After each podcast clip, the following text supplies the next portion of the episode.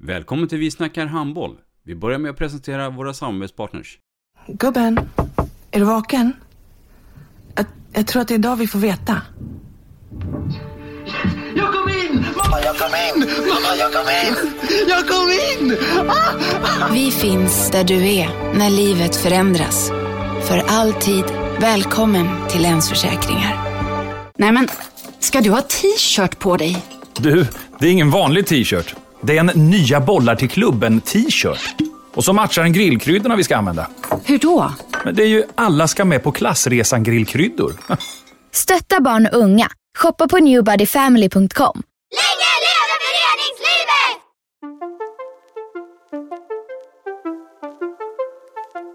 Välkommen säger vi till dig som lyssnar till den nya handbollspodden Vi snackar handboll med Robban Z och Matte. Vi snackar handboll, där du får veta alla sanningar som du inte visste att du missat. Vi snackar handboll. Idag i programmet Vi snackar handboll, Matte, så har vi ju en äkta världsmästare i rollen allt i allo. Ja, det är ett sant nöje att få presentera en riktig legend från den gamla stora tiden som vi hade här med på 90-talet i eh, Carrie Holmgren. Varmt välkommen. Tackar, tackar. Rune Kerry Sivert Holmgren. Vem är det? Ja, det är en gammal gubbe idag som är pensionär. 67 år gammal. Om, eh, vad är det? det är 27 idag, det är 29, det blir jag 67. Ehm, gör egentligen ingenting mer än att jag är sekreterare i, i en motorklubb. Så att idrotten har ju ett band genom alla idrotter nästan för mig nu. Mm. Och det är rätt fantastiskt att just jobba med de här individuella tankegångarna som är ganska kul. Mot att förut ha varit en lagmänniska helt och hållet. Det är jättekul det kan jag säga. Det är, jämförelserna emellan det här det gör att man eh, Ja, det, det är spännande helt enkelt. För det är svårt att jobba med individuella människor. Men lagsporterna är för bekväma mot vad de individuella idrotterna är. De individuella idrotterna är mycket starkare individmässigt och det var ungefär så man kände 90 när vi blev världsmästare och den perioden är så. Hur starka varje individ var där i. Det var fantastiska människor. Det kommer komma en hel del i, under programmet här eh, om de fantastiska eh, insatserna. Men jag tänkte börja med att eh, låta dig få berätta för oss eh, från början hur allting har börjat här med eh, familjen, mamma, pappa och, och ja, mamma och pappa finns ju inte längre med då tyvärr. Eh, men eh, jag har ju idag en familj som heter, frun heter Gunborg och våran son Ola, han är 33 år. Så när han var åtta månader så hade jag inte sett han på fyra månader. Så jag bodde ihop mer med Bengt, som det var då i detta läge, Bengan Johansson. Då eh, var det OS i Seoul då som gjorde det, han kom till den 2 juni. Och det var enda lägret jag missat egentligen. Och det var ett katastrofläge jag missade så att det gjorde ingenting. Det var i Skopje. Och det var så mycket mögel och skit i rummen så jag var väldigt glad att jag slapp allt det där. Men eh, som sagt, eh, Ola är en fin kille idag. Fotbollstränare i Skepplanda. Han går i pappas eh, ledarspår lite grann. Eh, frun Gunborg jobbar fortfarande på Arbetsförmedlingen. Och eh, vi bor i Lödöse och har det väldigt bra. Bor i ett hus där och eh, trivs jättebra allmänt.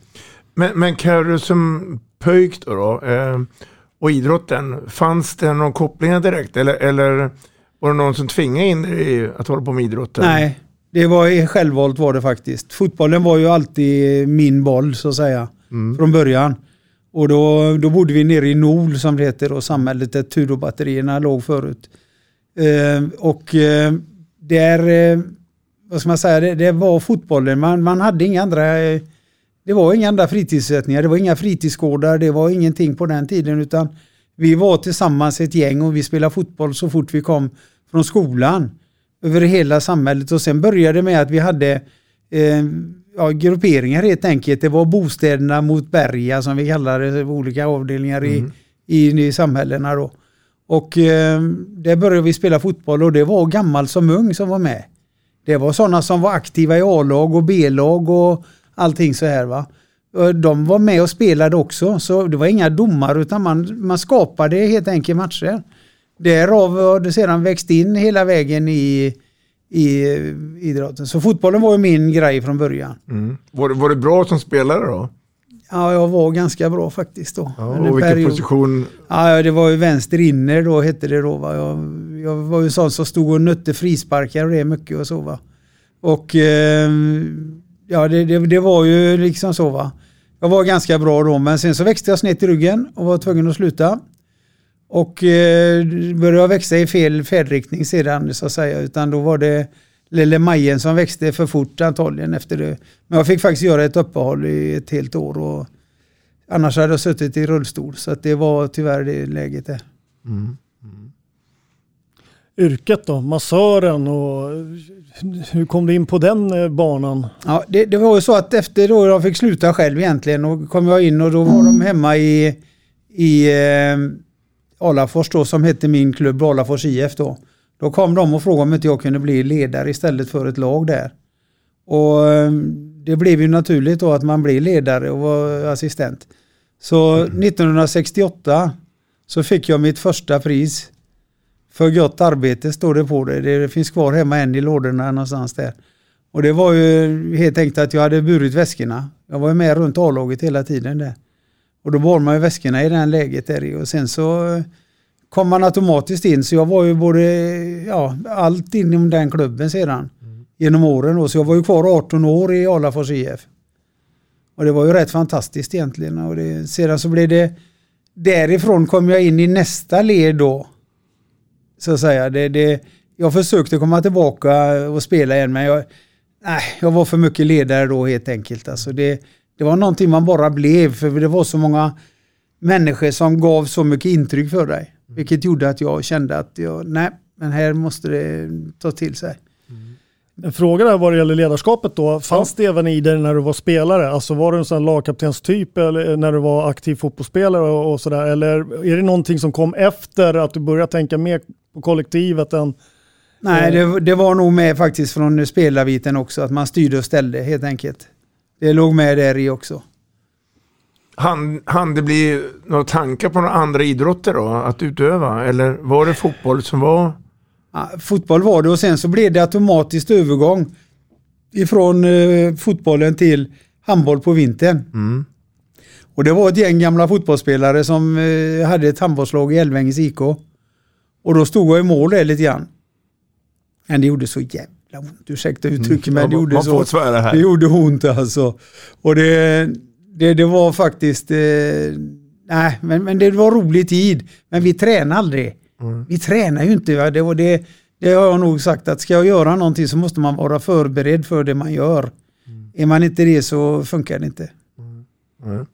Spännande Matte.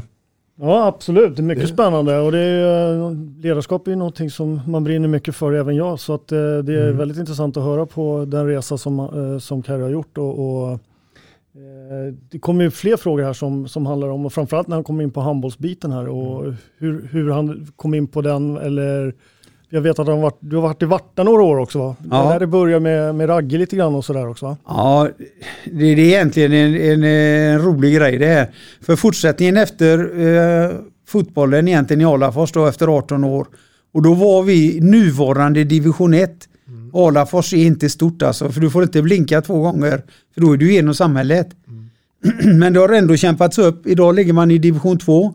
Eh, men alldeles för litet samhälle för egentligen att vara där uppe och fightas idag som det ser ut. I, Hur, hur kan det komma sig att de är så pass bra fast det är litet? Ja, det finns en gammal som jag var ledare för, som eh, en gammal företagare där. Han har nog hjälpt till med lite pengar in här känns det som. Va? Och de, de har en grej där i, men på våran tid så var det att alla drog sig till Alafors för vi var en väldigt välorganiserad förening. När man var ledare till exempel då för B-laget eller A-laget, va, då fick du lägga ut pengarna för domarskapet själv. Sen fick du komma med kvittot till domaren för de sa till dig, nej, nej, nej, inga pengar innan. Utan det var helt enkelt så det funkade och det gjorde nog att man alla kände för föreningen.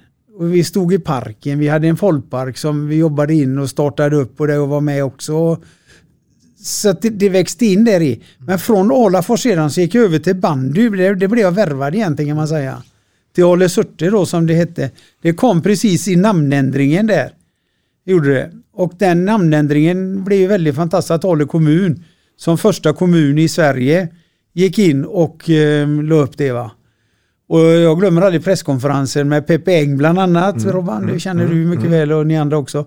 Men eh, han var där och var så förvånad på vad detta skulle ge oss. Och förhoppningsvis mer pengar sa jag bara då. Va? Det var liksom, ja det var som det var. Men, men det blev en rolig grej, men bandyn var ju fantastisk också på sitt sätt. Det var ju det där igen, ifrån den klubben jag var i, komma in i en förening där alla kämpade för varandra.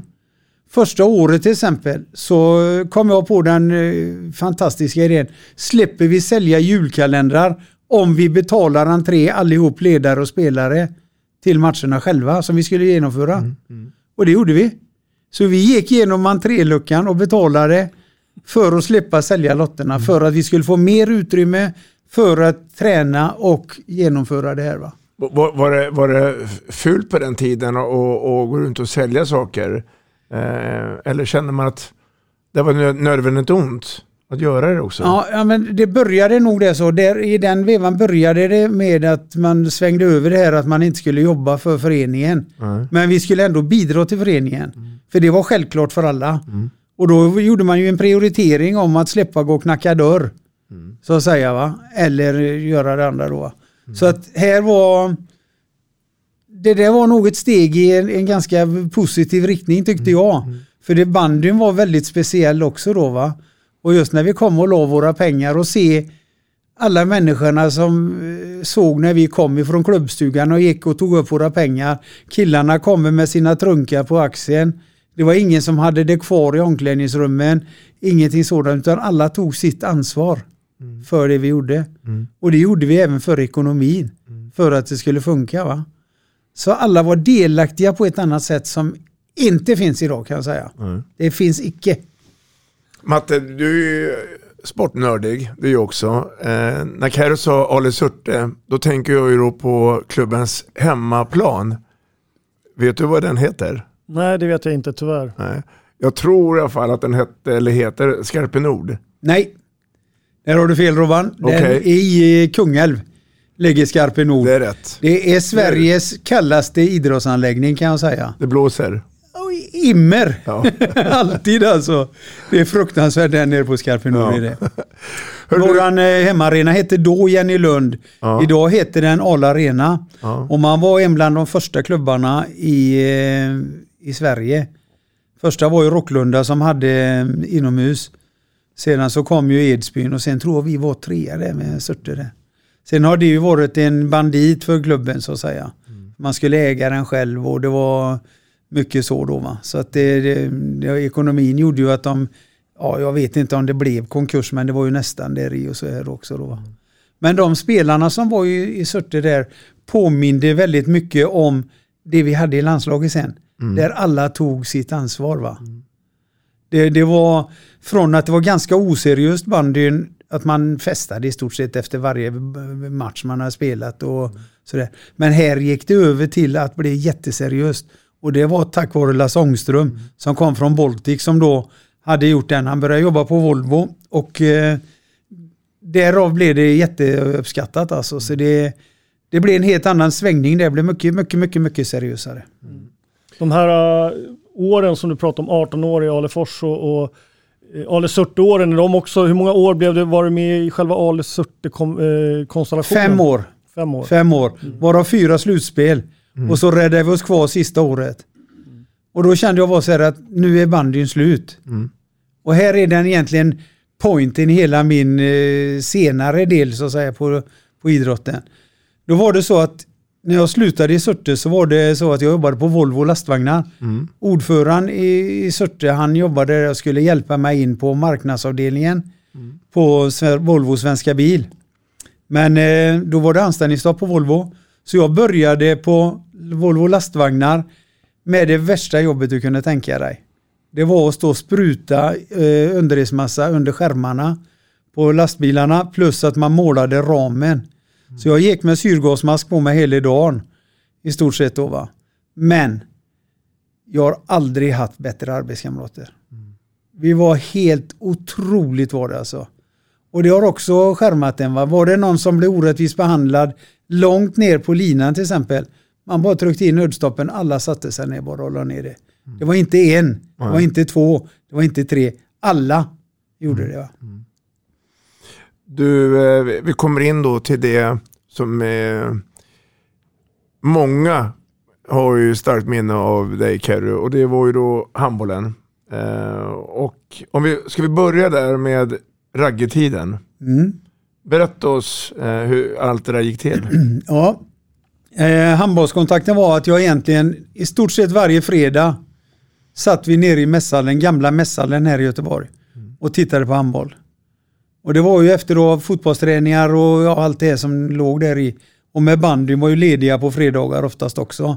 För då skulle vi kanske åka till ja, Edsbyn eller någonting på morgonen och det va. Så då tog man ju det alltid lugnt så det var ju ingenting alls annat än det. Och eh, i alla fall så skulle jag sluta med 40 bandy. Och eh, hade bestämt mig och tackade för mig och hela det köret. På Volvo lastvagnar då jobbar Sonny Karlsson som var med i HP Varta. Han spelar på linjen ihop med Torbjörn Lundell i den vevan där. Då jobbar Hanses pappa där. Och då hade ju Sonny berättat hemma att han saknar en massör i klubben egentligen. Ja.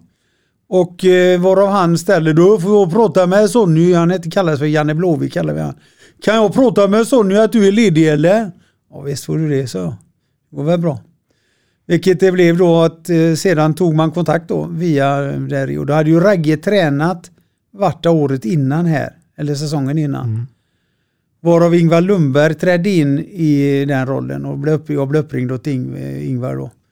Samma veva så blev det ju så att landslaget fick ju en extra plats i OS. Varav då frågan kom till mig om jag kunde ställa upp och hjälpa till på ett läger här i Göteborg. Och det var ju helt okej. Det är klart, det var ju intressant för mig att se handbollen. Ja visst, men hur tränar man? Vad gör man på träningar? Hur fungerar kroppen i de och de situationerna och sådär då. Och det här var inför eh, OS i Los Angeles 1984 eller? Ja, det var inför OS i Los Angeles där i. Och då, då sedan det så, så fick jag frågan om jag kunde vara med då på det här lägret i Göteborg. De körde stenhårt alltså. Och då var det första gången svenska landslaget hade haft med sig en massör. Man hade alltid en läkare med. Och eh, då blev det till slut att jag gjorde väl ett ganska bra intryck där på Ragge verkade det va. Sen hände det lite grann under OS som jag aldrig har velat eh, rodda i eller fråga i heller. Så, va? Men det hände lite grejer eh, där borta. Som gjorde att jag fick frågan när vi kom hem, eller när de kom hem därifrån jag kunde åka med och, till Norge första resan bland annat. Då. Och därefter var jag med. Jag har aldrig haft något skrivet kontrakt eller någonting sånt utan det har, jag har varit, eh, kör vidare. Så att eh, det var anledningen till att jag kom in i handbollen. Så rätt plats, rätt tid och att jag skulle gå till Varta från bandyn, eh, det var ju det som gjorde det. Nej. Parallellt då när du var med landslaget, var du kvar i Varta då? Eller, ja. Ja, det var. De första åren när det så var vi det. Jag gjorde två år i Varta och sen blev det två år i Västra Frölunda. Mm. Också sedan därefter. Men sen gick det inte att kombinera längre det för det var så många dagar det.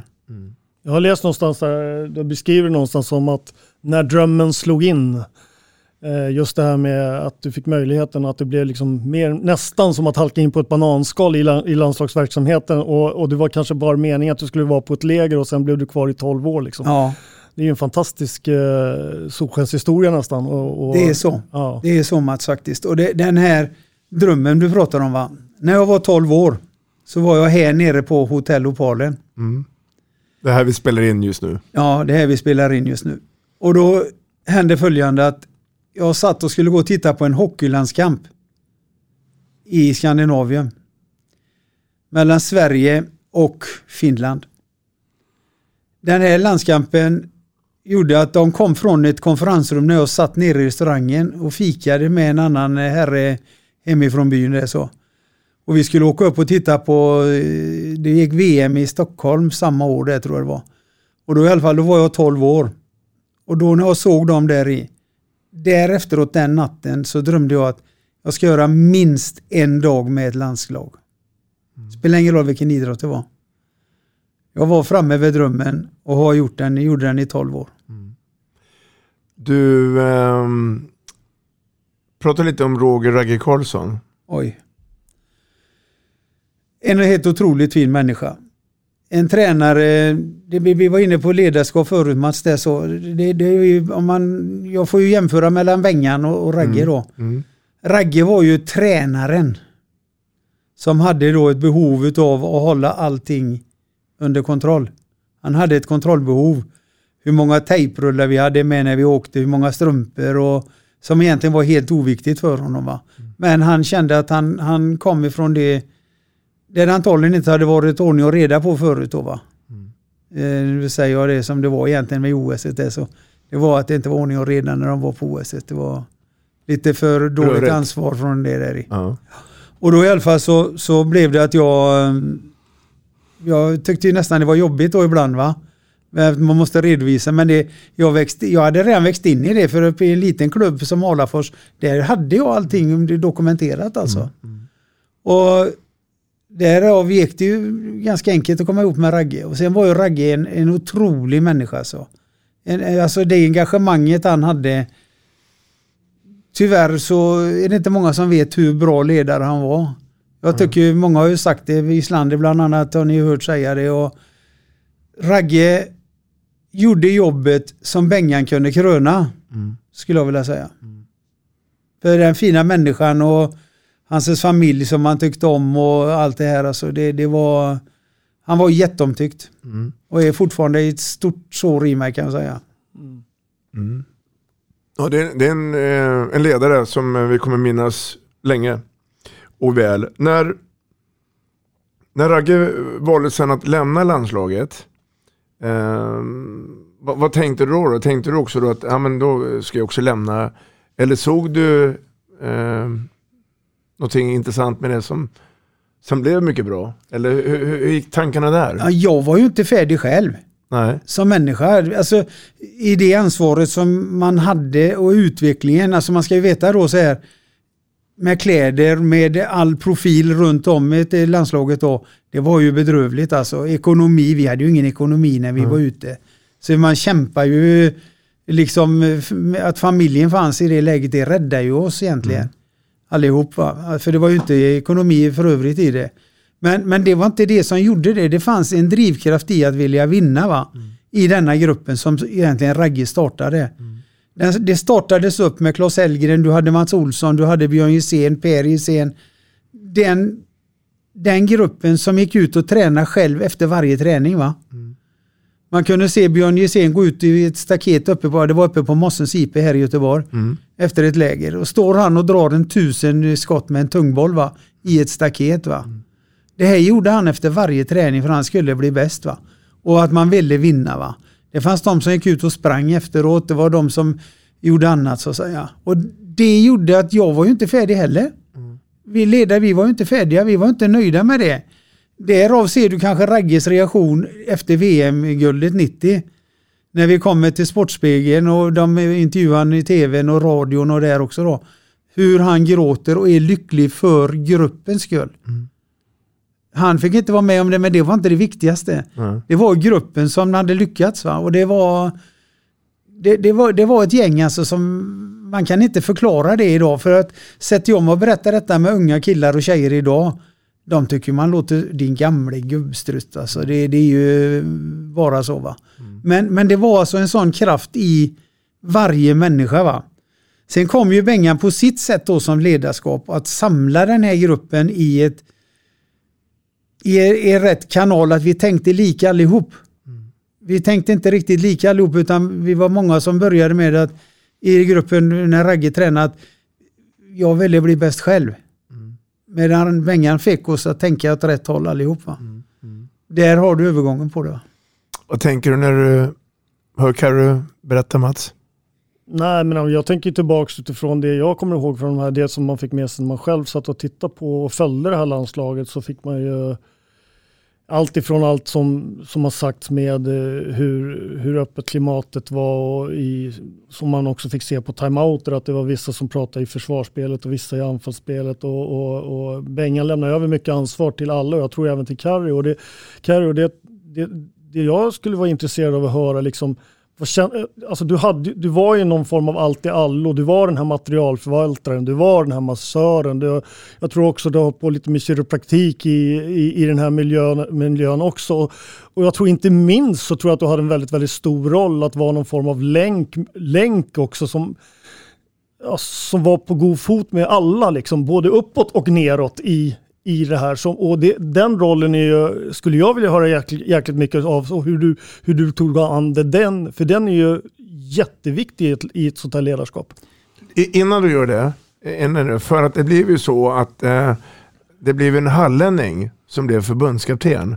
Och jag vet ju när jag och Dagge har pratat med lite andra gäster tidigare så har, eh, finns det en rivalitet mellan Halmstad, Drott, RK och Göteborg och så vidare. Och jag är lite nyfiken här, nu, har ju inte du någon koppling med, med några klubblag i Göteborg, men, men du är ändå en halv Göteborg i alla fall. Hur, hur, hur gick dina tankar när du fick höra att det blev Bengt Johansson som blir ny förbundskapten? Det var ganska självklart att det var Bengan då för han hade varit på tapeten redan innan. Eh, faktiskt. Hade han varit på tapeten. Och jag hade egentligen ingen tanke på det. I det läget så eh, var det ingen tanke på det. Det som var mest förvånande det var att inte förbundet hörde av sig på något sätt till mig. Mm. Jag hade ju ändå varit med då i, vad blev det, fyra år då i alla fall. Och ja, jag hade egentligen aldrig någon tanke på det. Utan jag fick själv ringa Bengt och fråga höra hur han ville ha. Vem vill han ha? För han hade ju haft hans spänna med sig i drott och det va. Vilket han också var med en gång i Norge. Och eh, sedan så ringde Bengt och sa Då vi kör vidare, sa Bengt. Och så, så blev det bara vidare. Det, det, var aldrig någonting mer med det va. Och det, det hoppas jag har blivit en bättre status för att när du har ett drivkraft i dig så vill man ju känna att du får en uppskattning för det. Tyvärr var det alldeles för lite av det för oss som var runt omkring. Vi var en självklarhet i att vi skulle bara göra det. På den tiden. Ja, Mm. det var en självklarhet. Tror du att det är annorlunda då? Eller tror ni att det är annorlunda då? Tror, Jobbar förbundet lite annorlunda? Ja. Ja, de nickar alla här så det, det, jag, jag håller ju med om det givetvis Ja. då. Det, det var ju, alltså, det, jag var ju nästan unik måste man ju säga, att jag var ensam Mm. och hade hand om alla landslagens kläder. Nu hade vi inte lika mycket kläder som man har idag. Nej. Jag, hade, jag fick investera själv i med tvättmaskiner. När jag var borta så var ju frugan tvungen att åka ner och tvätta och hjälpas åt att höra det. Va? Sedan när, när det då skulle gå gick mot slutet så sa jag men jag kan fortsätta ha kläderna. Nej, vi flyttar alltihop upp till Stockholm. Jag fick egentligen ingen anledning till det. va. Nej. Ja, vill ni ta och köpa maskinerna då? Nej. Så egentligen eh, när, man, när jag slutade med handbollen så var det tre veckor efteråt så fick jag inte ens tidningen handboll efter vi kom från OS i, i Atlanta. Det är jag lite bitter över. Det kan jag säga direkt. Det, det är något som man inte gillade från förbundets sida. Jag ringde även och frågade om mina fingrar och det som då tyvärr har blivit jättedåligt. Då, men om det fanns någon försäkring eller någonting som för som vi kunde ansöka på. Varför skulle vi försäkra dina fingrar? Eller varför skulle vi försäkra dig? Klick, la på luren. Sen var de människorna inte mer värda i mina ögon. Nej. Nu var jag bitter egentligen men Ja, men man, man eh, har rätt att vara det här också. Ja. Det är ju så. Eh, tillbaka till, eh, till eh, Mattes funderingar då. Eh, ja, ledarskapet är så. Det, det, det är som sagt att när Bengan kom där in så, så blev det att jag fick ju vända mig som ledare till att vara mer delaktig i saker och ting. Och det var ju faktiskt så att det hade jag gjort även på Ragges tid för vi delar ju alltid rum. För att det var ont om, eh, om ekonomin. Så vi fick ju alltid titta på att rummen låg vi dubbelt va. Trots att man kanske borde ha haft det va. Så det var ju många gånger jag, Ragge och Bengan, vi bodde ju i materialrummet. Det var ju många gånger, men det var, det var ingen som, det var, vi brydde oss ju inte på det, det var inte det som var avgörande va. Utan det var ju hur träningen det var. Och det, det var ju så, man då fick jag ju gå in och lufta i pärmarna och titta på vad vill Bengt prata om, eller Ragge prata om ikväll. Och, så här då, va? och sen hade jag ju mycket behandling då, så jag fick ju väldigt mycket med mig ifrån spelarna på massagebänken. Som vi kunde koordinera, varav jag gjorde att vi blev mycket mindre ledare än vad man är idag. Jag ser idag, om vi nu ska gå in på dagens ledarskap, så ser jag svårigheter med det ledarskapet att vara så många. Att få ihop samma vilja genom alla de som är runt om laget. Visst, jag slet och jag är utsliten, men det är en annan sak det va. Det, jag tror att man måste ta ett ansvar som gör att om inte alla gör det, tar det ansvaret och koordinerar ihop det, så får du fan inte framgångarna riktigt. Ganska intressant det, det Carrie säger Matte där. Om, om, eh, för vi går ju egentligen mot tvärtom, att många som gör lite eh, istället det, för blir det. det blir fler och mer specialmoment. Liksom. Det blir eh, ja, det som har varit en riktig rush på de sista åren. Det är ju att målvakts, målvaktsbiten framförallt som egentligen på den tiden så skötte ju tränarna alla de här Mm. grejerna. Nu har du ju målvaktstränare som är spe, specialister i målvaktsarbete, alltså som har en dialog egentligen med de två eller tre målvakterna som ingår i, var, i, var, i varje trupp. Liksom. Så att det, det blir mer specialiteter, inte bara i våran sport utan i, i ganska många lagidrotter faktiskt. Så inte, ba- inte, inte specifikt handbollen. Liksom. Men, men är det inte det som är det svåra egentligen va? Bengan uttryckte ju vid något tillfälle som jag tycker, det var egentligen av de första tillfällena han presenterade sig för laget. Jag bara, jag är här för att utveckla individen i ett kollektiv. Om du har mer individuella människor som du ska utveckla åt samma håll så ser jag en svårighet. Det, det för mig blir det en svårighet. va. Okej, du måste se till att få hjälpen och att man hamnar rätt i, i vilken ledare som ska vara med, men vilken koordinator ska du ha, vilken kiropraktor ska du ha. Nu, nu var jag i bägge delarna där i lite grann. Va? Eh, sedan så kom Inge Davids, eh, Dal, vad heter han nu då? Inge Dal, Dahlberg. Dahlberg ja. Ja. Ifrån Lund. Han kommer med mot slutet där så va. Mm. Och det var ju en avlastning självklart va. För det gick ju inte att hålla på som jag gjorde. Alltså jag var ju aktiv mellan 16 och 18 timmar per dygn va. Och ligger du på en VM-turnering då, då är man inte kaxig alltså. Inför en VM-final eller OS-final och stod och masserade 16 timmar en dag till exempel. I 42 grader värme i Spanien va. Och det, det, det, därför tycker jag det här är ganska intressant det du säger Mats, därför att jag tror att dra ner ledarna men se till att de har mer uppgifter. Jag, jag tror inte att du blir bättre på en jävla massa ledare utan alla tar ansvar. Jag kan väl tycka att eh, det finns en sanning i det. Eh, och jag tror också att det finns eh, att det ska vara liksom på en lagom nivå. Det får inte vara för, för få heller så att, man, så att man inte kan hantera allting utan någonstans mittemellan. Men jag kan förstå att jag, jag kan tycka likadant som dig att det, liksom, det, kan bli, det kan bli en tendens till att det blir lite för mycket. Det kan jag absolut hålla med i. Eh, en annan grej som jag tycker är ganska roligt att ta upp, det var under den här, de här me- mest hektiska åren så, så hade ni väldigt många resdagar, uppåt en 240 resdagar på, på per, per säsong eh, eller per år Ja. som du kamperar framförallt under Bengans tid. Och, eh, du pratade ju själv här om att du eh, fick se din son väldigt lite under det första, första levnadsåret där och eh, nästan var mer sambo med Bengan än vad det var med din egen hustru. Ja men det var jag i det läget alltså. Ja. Jag bodde mer med Bengan än vad jag bodde med hustrun alltså. Och det, det, det var ju rätt konstigt ibland alltså. Det, det, det kan man ju... Det hände aldrig någonting som tur är det va. Men det, man, man kände ju ibland alltså att eh, när du skulle ha den här egentid som alla människor behöver och gå undan ibland va. Nu kunde jag få den nere i tvättstugan. För vi fick ju tvätta också för det var ju alldeles för dyrt allting annars. Det har du ju upplevt Robban. Och det, det är att man står och tvättar på nätter och si och så va. Och man, I Paris vet jag en gång, det var så himla dyrt att tvätta på ett hotell där va. Och då åkte jag iväg själv ut i ett ytterområde där det var väldigt mycket eh, ja, som var ifrån Marocko och det då va. Och då i alla fall så, så satt jag där och käkade och ja, alltså jag- i det läget kan jag ju säga att jag var inte kaxig va. Nej. Och då hade man ju önskat att det var flera va. Mm. En annan gång var vi i Randers.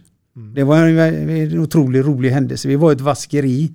Och det var bankett efteråt i matchen och det var bara för mig då för det var runt jultid där i. Så hade jag sagt till Bengt och våran fystränare då, Lennart Hallgren. Han eh, kommer in, eh, eller att de skulle ta med sig lite mat till mig. Så för, jag var ju där i och då hade, de, hade vi bokat av larmet egentligen. Men vaskeriet låg mitt emot poststationen. Och helt plötsligt går larmet va. Och där står vi inne med en bajer uppe på tvättmaskinerna och lite räkor och lite ihopplock då som jag stod åt då. Samtidigt som larmet går och polisen kommer med dragna gevär i stort sett. Va? Det, det var ju en rolig händelse. Mm. I det här som att man som ledare, ja vi blev ju jätterädda egentligen. Vad händer nu? Utan det var ju bara att ställa sig med händerna upp alltså, så att det, och så förklara för hur de stod och skrattade. För jag stod ju i landslagsoverall som tur var då, medan de andra hade bytt om och det då. Mm. Men, men, det är ju händelser som gör att man växer ihop också. va? Mm. Det, det, det är en händelse som vi hade förberett egentligen att inte skulle hända, men det hände. Men vi löste det på så sätt att de kände igen oss. va? Mm. Som tur var. Apropå händelse så är jag och Matte och många säkert lyssnare mycket, mycket nyfikna nu. Hur gick snacket mellan dig, Bengan och resten av ledarteamet inför VM i Tjeckoslovakien 1990? För att du kan inte säga nu, eller kanske säger att det var väntat, vi skulle åka hem med VM-guld. Berätta nu sanningen, hur, hur det här gick till. Vi, vi var inte, det var ju inte väntat. Men vi var förberedda. Det var inte väntat att vi skulle vinna det så egentligen. Men eh, faktum var ju att vi gick in på ett eh, bettingföretag i England. Jag och Bengan och Lennart Hallgren och spelade 1000 kronor man. Herregud, häftigt. Ja, det gjorde vi faktiskt va. Och det blev inte så mycket odds i slutändan ändå. Jag kommer inte ihåg vad vi fick, 3000 eller någonting. Och det var ju mm. jättebra pengar på den tiden. Mm. Men vi gick in och spelade detta innan. Mm. Och det var faktiskt Lennart Hallgren som drev mer på det. Jag vill inte spela, sa Bengt. Han var ju aldrig för det där riktigt. va. Ja, men men ja, vi tyckte vi gjorde det. va. Ja, sagt och gjort. Och det vi däremot var förberedda på, det var ju alla de detaljer alltså. Mm. Som vi hade med oss frukost till exempel. Alla undrar ju vad det var. Där jag och Bengan åkte runt i Halmstad. Vi fick grejer ifrån Chark Delikatesser. Vi hade mjölk och yoghurt med. Vi, eh, bröd, första veckan hade vi bröd ifrån Sverige. Så varje kille hade ju fått ut lite med sig i sina väskor.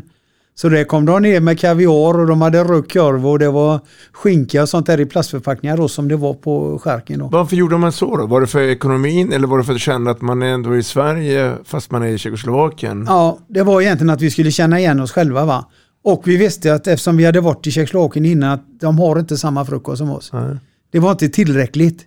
Mm. Det var inte tillräckligt. Då bedömde vi som så istället att kan vi skapa en bra frukost så kan vi också ha en bra grund att stå på. Vilket vi också hade. Mm. Då är inte den andra maten så viktig. Att det, det smakar annorlunda än vad vi är vana vid i Sverige. Och att det är där i. Andra veckan nere i, i, i Tjeckoslovakien mm. så kommer Lugi ner. Mm. Med förnyad mat helt enkelt till oss. Så det där blev en grej som vi transporterade med oss i hela VMet. Mm. Så vi hade ju precis detta här. va. Och alla de andra länderna var ju vansinniga för att vara för dåliga frukostar. Va? Mm det hade vi ju redan eh, analyserat att det räcker inte för att vara fulltränad eller vara si och så. Mm. Så det här är jätteviktigt. Va? Och med facit i handen så kan jag eh, understryka det att, att eh, det där som ni gjorde då, VM 90 och de förberedelserna, de tror jag också många andra av landslagen i, i handbollen tog med sig. Jag kan gå till mig själv. Där man då eh, investerar saker, exempelvis då knäckebröd eller kaviar. Mm. Så att, eh, och det är, väl, det är väl också en typisk eh, Holmgren Johansson-grej med, med facit han just så här att tänka lite annorlunda och tänka på gruppen i det hela. Så att säga. Men, men, men så var det ju. Vi, vi mm. tänkte ju grupp, vi tänkte mm. inte individ. Nej. Utan när, när, vi låg till exempel, när vi planerade alla läger och allting va, så började vi ju till exempel på lägsta nivå. Så att vi låg på militärförläggningen i Frösakull. Mm. Och sen så växte det fram emot, ju längre och närmare turneringen du kom, ju bättre standard blev det för oss. Va? Mm. Det var ju en tanke också. Mm. Men det var ju också att skapa en tävling i att de var med och eh, koka ägg till exempel. De stod och putsade äggen med diskmedel bara för att de skulle ha de finaste äggen på mm. morgonen. Mm. Att det var mest städat. Sån här. Det var tävling i precis allting hade vi. Mm. Det var competition i precis allting. Men på ett bra ska, eh, sätt va. Mm. Så man skrattar ju åt det va. Så det, det var ju glädje i samtidigt med den delen. Samtidigt som de här aktiviteterna kom vid sidan om att, att ha roligt. Det var ju någonting som vi alltid hade med va. Det, det var ju, var det någon som kom ner i gruppen, nu ska jag inte sjunga den sången för den, den ska inte komma ut egentligen, men var det någon som var riktigt grinig som inte hade talat om att idag mår jag inte bra. Nej. Det kan ha varit att någon fru hemma eller något barn hemma var förkylt eller och lägger du då ut och du vet att nu ska jag vara borta i en och en halv månad kanske. Och du får de budskapen va. Då blir man orolig. Mm. Och då, ja man rynkar ögonbrynen och det va. Men var det detta är så gick de in killarna och så smäller de på den killen tills han öppnar sig och blir arg va. Och det var ju samma med oss ledare. Det, det, det hände ju efter en landskamp i Östtysk, Östtyskland. Vi skulle åka på bankett och vi hade fått kostymer och grejer. Ja, då hade de ju varit och sprättat säcken inunder till exempel med tvättkläder va. Så när jag tar i den som jag hade tejpat igen då så går den bara lös och då fick jag ju ett spel naturligtvis va. Man blir ju jätteförbannad rent ut sagt va. Men det var ju roligt att stå allihop där och så började de sjunga den här sången då va. Ja, ja men då var det bara att bli god själv. Öppna dig och så tänk till, kom igen Carrie, kör vidare. Det var inte värre än så va. Och, och, och de här roligheterna, eh, hade de redan börjat under Ragges tid eller kom det då när, när, du och eh, Bengan? Ja, Ja. det kom då. Mest det så. Men det fick ju vi som tv-tittare också ta del av en del, för ni filmade ju ganska mycket av de här äh, spektaklerna som det var många gånger och man fick se hur liksom tävlingsinstinkten vid sidan av handbollsplanen också i olika Jajamän. sammanhang. Men det, det var ju det vi gjorde för vi ville ju sälja handbollen. Vi, vi, vi kom ju inte ut med handbollen. Och det, alltså där är li- ytterligare lite kritik idag. Man tycker att man är ute med handbollen mycket och så, men det är vi inte. Jag tycker de är alldeles för lite ute i tv och det va. Även om det sänds vissa matcher och att man gör det va. Men det här andra va, var inte så maskinella. Kom in med glädjen, visa hur det fungerar. Den här mänskligheten som vi hade med oss va. Det, det var en grej som vi satsade på alltså.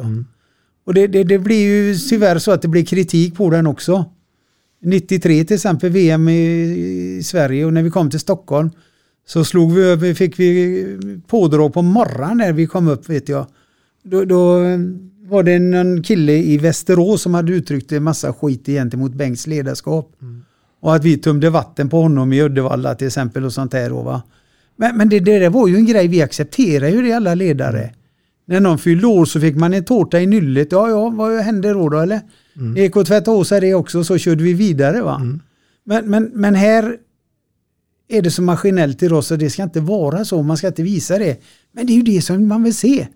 De vill ju se den här mänskliga delen i det hela. Och som bygger.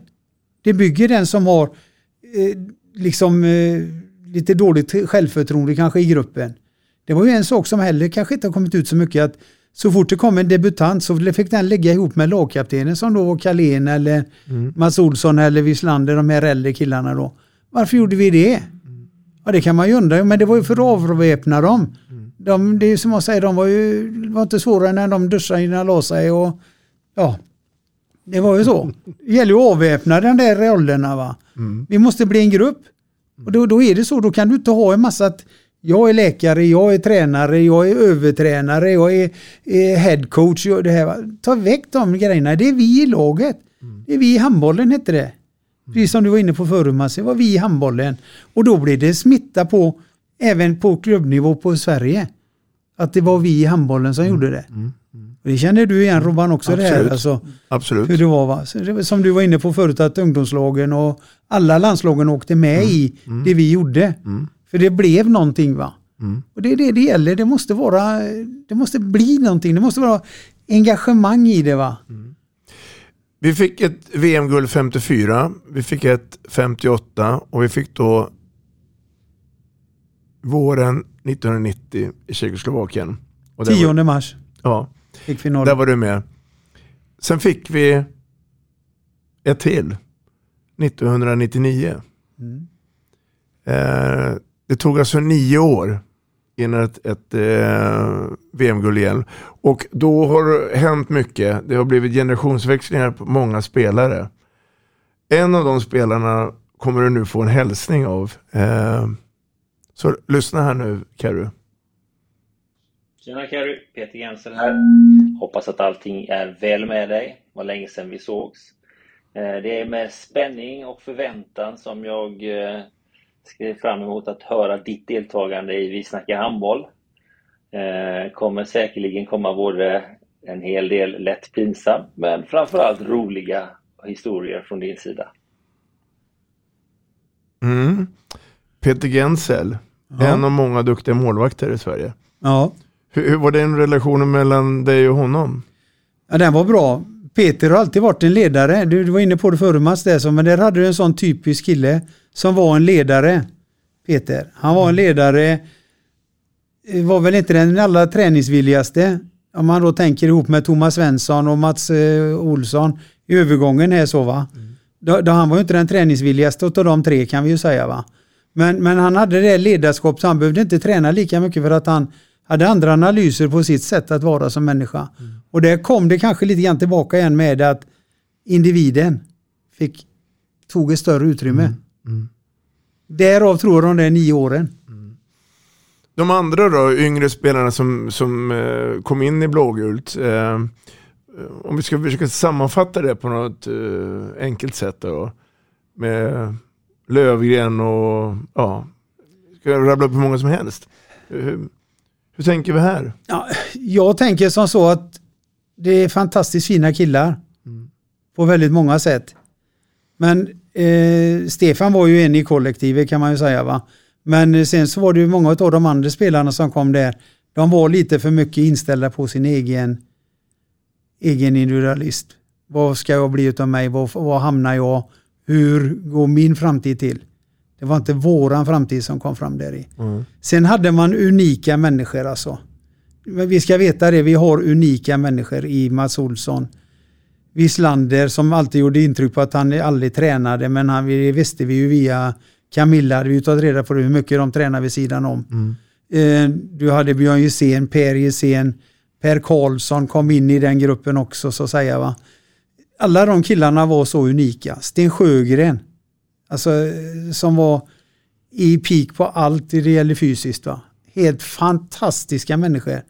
Som också gick in i grupperingen. Och hade samma tanke att vi vill vinna.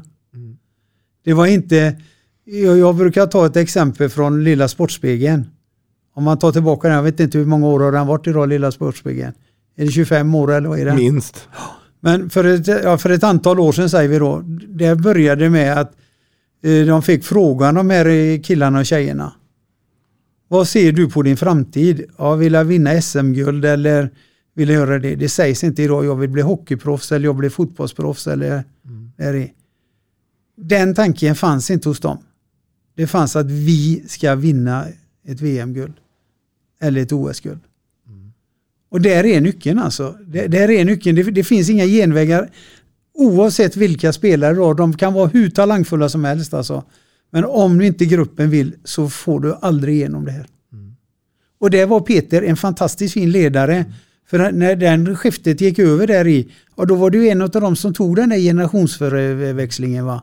Som hjälpte till ihop med Wislander och, och de som fortsatte där va. Då var det ju de som var ledare i gruppen som det alltid finns. Men de yngre fick dem till att förstå att nu måste vi göra det där. Och då tog det nio år. Det tog nio år. Men jag menar, om du läser eh, våra medaljliga där i, från 90 egentligen så är den ju fantastisk. Va? OS-silver 92, VM-brons 93 i Sverige, Europamästerskapet 94 i, i Porto. Rosa Mota-hallen hette den då på den tiden. Stämmer det? Nummer fem, det var, eller 95 var det Island, där blev vi trea, förlorade en match också. Va? Mm. Så att egentligen så är det, det är så små detaljer som gör att inte vi når dit. Va? Och där kommer de här mänskliga grejerna in. va. OS-finalen 96, det är ju fortfarande som en blöt trasa på mig. Alltså. Det, jag kan ju sitta nästan börja lipa för den fortfarande. va. Men, men samtidigt så visst man ska vara glad för silver va? men den tog väldigt hårt kan jag säga. Det, det, det var vi också sådär exceptionellt förberedda. Va? Men det kommer en grej in. Det är den mänskliga faktorn Mats som vi pratar om. va. Vi, vi pratar om de här diagonalpassen till exempel. va. Det säger Bengt ute, vi fick ju kritik för att vi inte tog en timeout va. Men Bengt har sagt till dem där i, vi byter in folket va. Och det kommer spelare in och gör om det igen. Magnus Wislander går ut och gör en dubbelstuds till exempel. Va? Han har inte gjort det på 20 år. Han gör det just där. Varför då? Det där kan du analysera men det finns inget svar. För det är en mänsklig faktor. va? Och där är nyckeln. Va? Så det, det var det, det skulle inte vara våran grej det där. Va? Det var... Vad tänker du här Matte?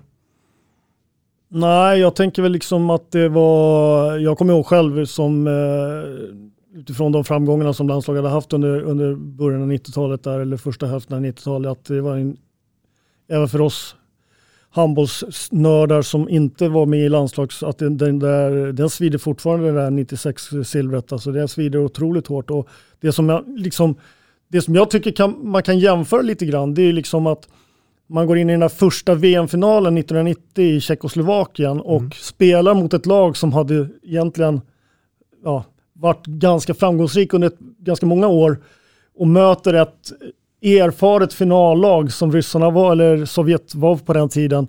Och så går man in där och visar inga som helst, man slår ur underläge och liksom bara bara gör det på något sätt. Och det, det, den matchen var ju liksom bäst när det gäller och, och alla epitet man kan ta fram och, och få till det här resultatet. Och lite tvärtom blir det i just den här OS-finalen 96 där jag kände att Sverige hade allt att förlora i den matchen till, till skillnad mot 1990. Och ja, på något sätt så blir det då att det kommer in eh, ja, individer gör vissa beslut som de inte skulle ha gjort någon annanstans vid något annat tillfälle och eh, det slår åt andra hållet istället.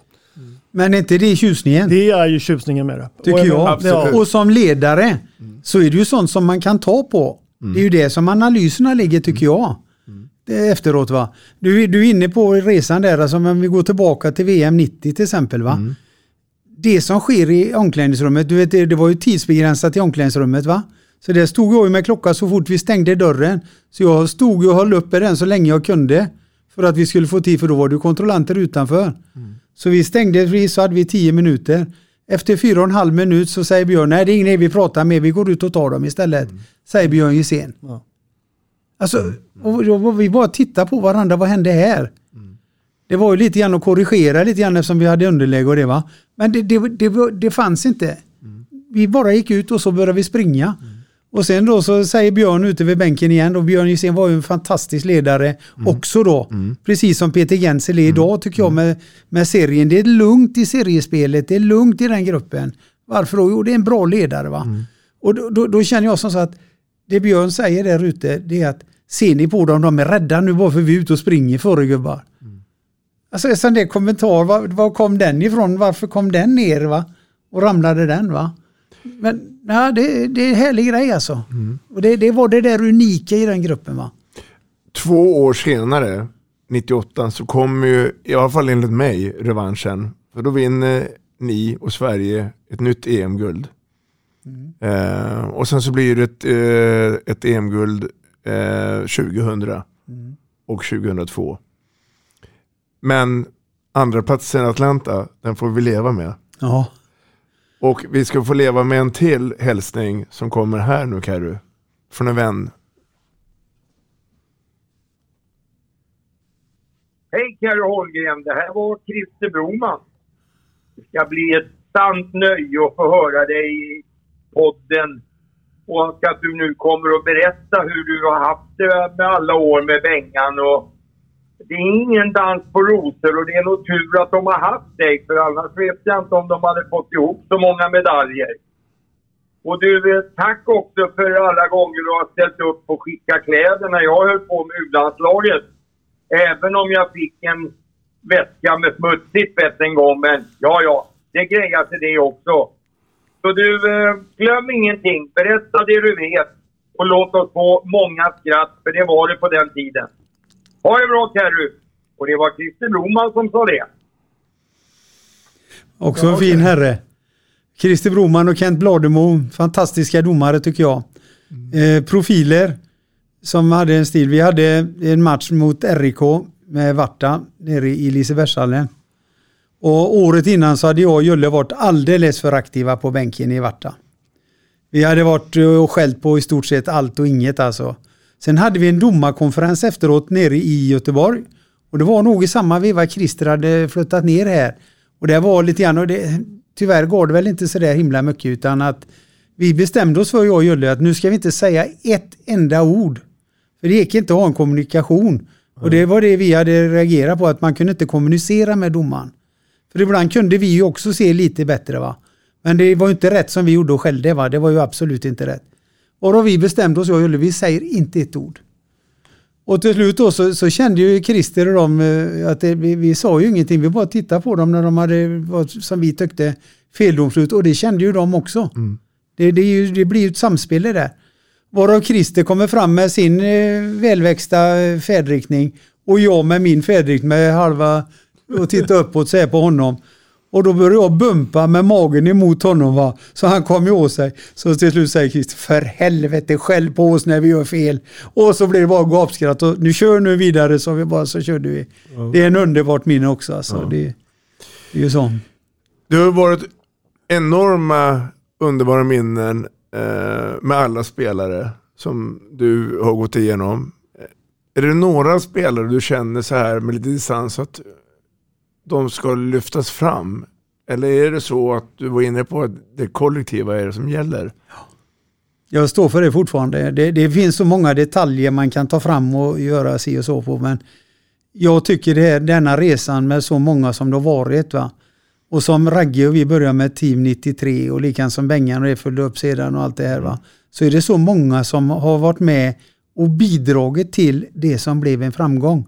Vi var inne på förut med klubblagen, att var, var med i det hela. Va? Eh, Sedan, visst, det, det finns ju de som eh, är mer och mer. Va? Jag, jag, en match som vi glömmer väldigt ofta, det är ju EM 94. EM-finalen i Portugal. Va? Innan Thomas Svensson fick reda på att han skulle stå, för han, det var ju hans grej att nu ska jag peta Mats Olsson. Det hade han ställt in sig på mentalt. va. Och han fick sitta på varenda match alltså, i stort sett. Och Mats var ju grym just då. Han var så bra så det var inte sant va. Och så sedan då så, så till slut så gick det ju så långt för att eh, Bengan hade ju sparat detta på vilje. Att han ska stå i finalen. Ja visst, och det var ju ett litet spel kan man ju säga, men bakom eh, kulisserna så var det ju det. Ja, och så var det i alla fall så till Bengan, alltså han, blev, han var helt tokig Thomas alltså. Och så sedan gick jag upp på rummet och jag sa till Bengt, vi måste gå upp och prata med Thomas. Alltså. Ja, kan du göra det? Ja, ja, det gör jag då. Så jag gick in till Thomas och säger till honom, säger, Thomas du får lugna ner dig på träningar och det lite. För det blir en jävla dålig stämning i gruppen och si och så. Ja, men jag får inte spela, jag blir vansinnig. Vad, vad är det för fel jag gör? Vad är det si och så? Så sa jag, men det är ju så att du ska spela finalen och han, han fattar inte det riktigt va. Och sen kommer Bengan in också samtidigt i rummet här och så säger jag det andra gången så säger jag, men Thomas du ska stå i finalen. Pang, då när det fattade gick in i huvudet på honom, då började han göra räddningar på golvet inne i hotellrummet va. Ett underbart minne va. Han började slänga sig och träna direkt där inne va. Och sen så stängde han ju faktiskt första halvlek där i har du inte sett den matchen så gå in och titta på den. Och Erik Hajas han bara, det var bara att kosta upp bollen. Så att Wislander de, när de stod med ryggen mot motståndarmålet så tog de bara bollen och kostade upp. De visste att Erik var redan där uppe va. Är det en av de skönaste segrarna? Ja, det är en väldigt skön seger i min tanke i alla fall. Och framförallt så som vi körde över eh, ryssarna då alltså. Det var, det var helt underbart var det. Helt underbart var det. Och alltså vilka räddningar Thomas gjorde. Alltså det, det var, alla var till slut så stod ryssarna så här. Torgovanov då, eller som vi kallar honom för Gunde Svan, han var de bara stod så här. Vad gör vi? Liksom så bra var han. Fantastiskt kul. Jag har en fråga om vi går bort från spelarna och så går vi tillbaka till det här med materialet. Ja. 93. Åtsittande dräkter. Ja. Eh, per Kalén och du och kanske nog fler var inblandade i det och eh, det var väl en story om att de ni höll på de hemligheterna ganska länge. Ja, det var väldigt länge. Ja. Det var väldigt länge. Vi hade Island första matchen. Eh, 1991 så var vi nere i Barcelona på för-OS. Och då var även en domarkonferens. Och då var det Bosse Johansson och Bernt Källqvist i Skövde som eh, kommer och frågar vi vad är det för nyheter nu då? Ja, de är på oss och vi ska ta i kläderna så att det minsta lilla de drar i kläderna. Ja, men då skulle man ju egentligen ta och fixa någon sån åtsittande direkt säger jag. Varav jag ringer till Yngve Ek, den gamla eh, skiddressleverantören och skidleverantören och köper ut en sån åtsittande dräkt.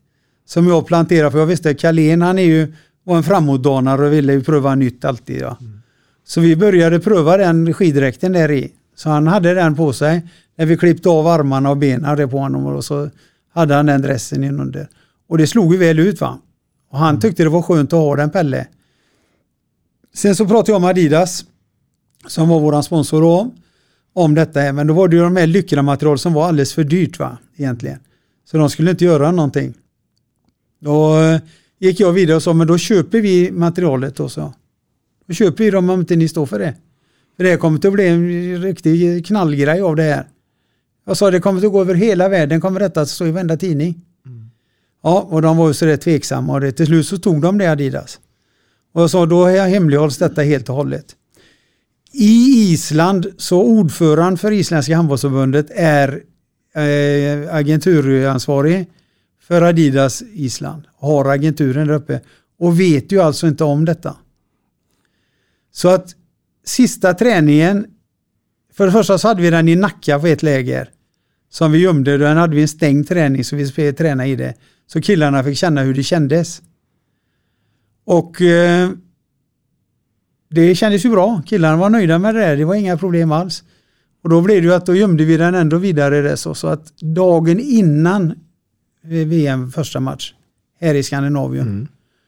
så eh, hade vi en presskonferens. Så hade jag sett till att det skulle bli en presskonferens och att det kom tre isländska journalister.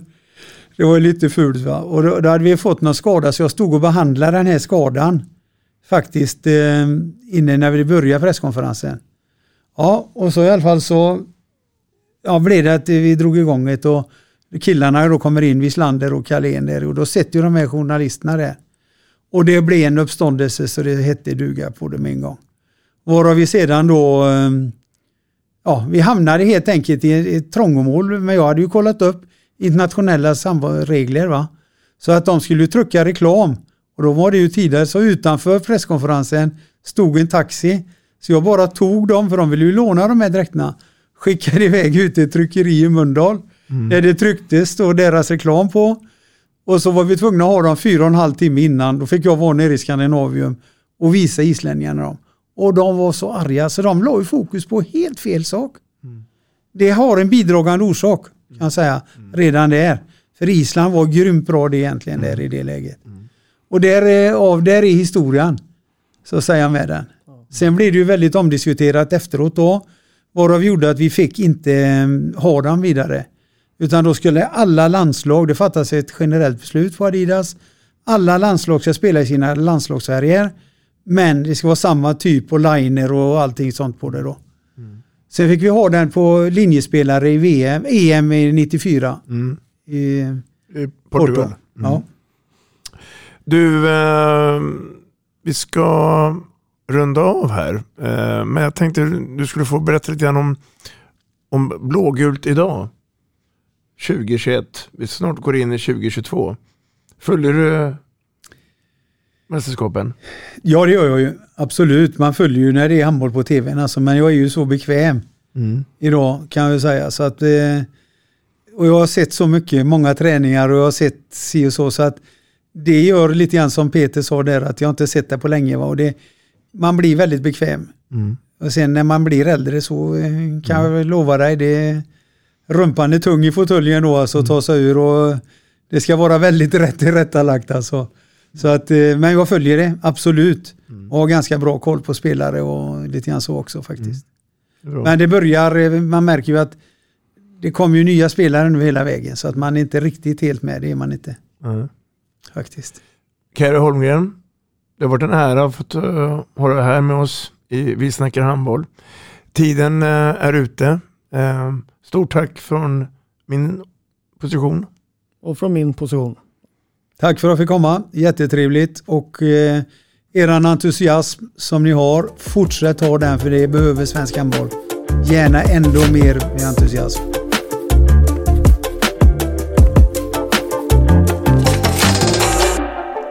Vi snackar handboll, där du får veta alla sanningar som du inte visste att du missat. Vi snackar handboll. Vi snackar handboll produceras av produktionsbolaget High On Experience, från vision till passion.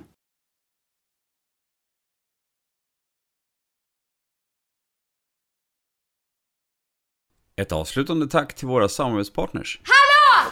Kommer ni eller? Ja, ja. Har du sett mina ankelsockar? De här? Nej, nej, jag menar skridskoslip till juniorlaget Ankelsockarna. Ja, men kolla bredvid träningsläger med handbollstjejerna-t-shirtarna. Stötta barn och unga. Shoppa på newbodyfamily.com. Länge leve föreningslivet! Gubben, är du vaken? Jag, jag tror att det är idag vi får veta. Jag kom in! Mamma, jag kom in! Mamma, jag kom in! Jag kom in! Ah! Vi finns där du är när livet förändras. För alltid välkommen till Länsförsäkringar.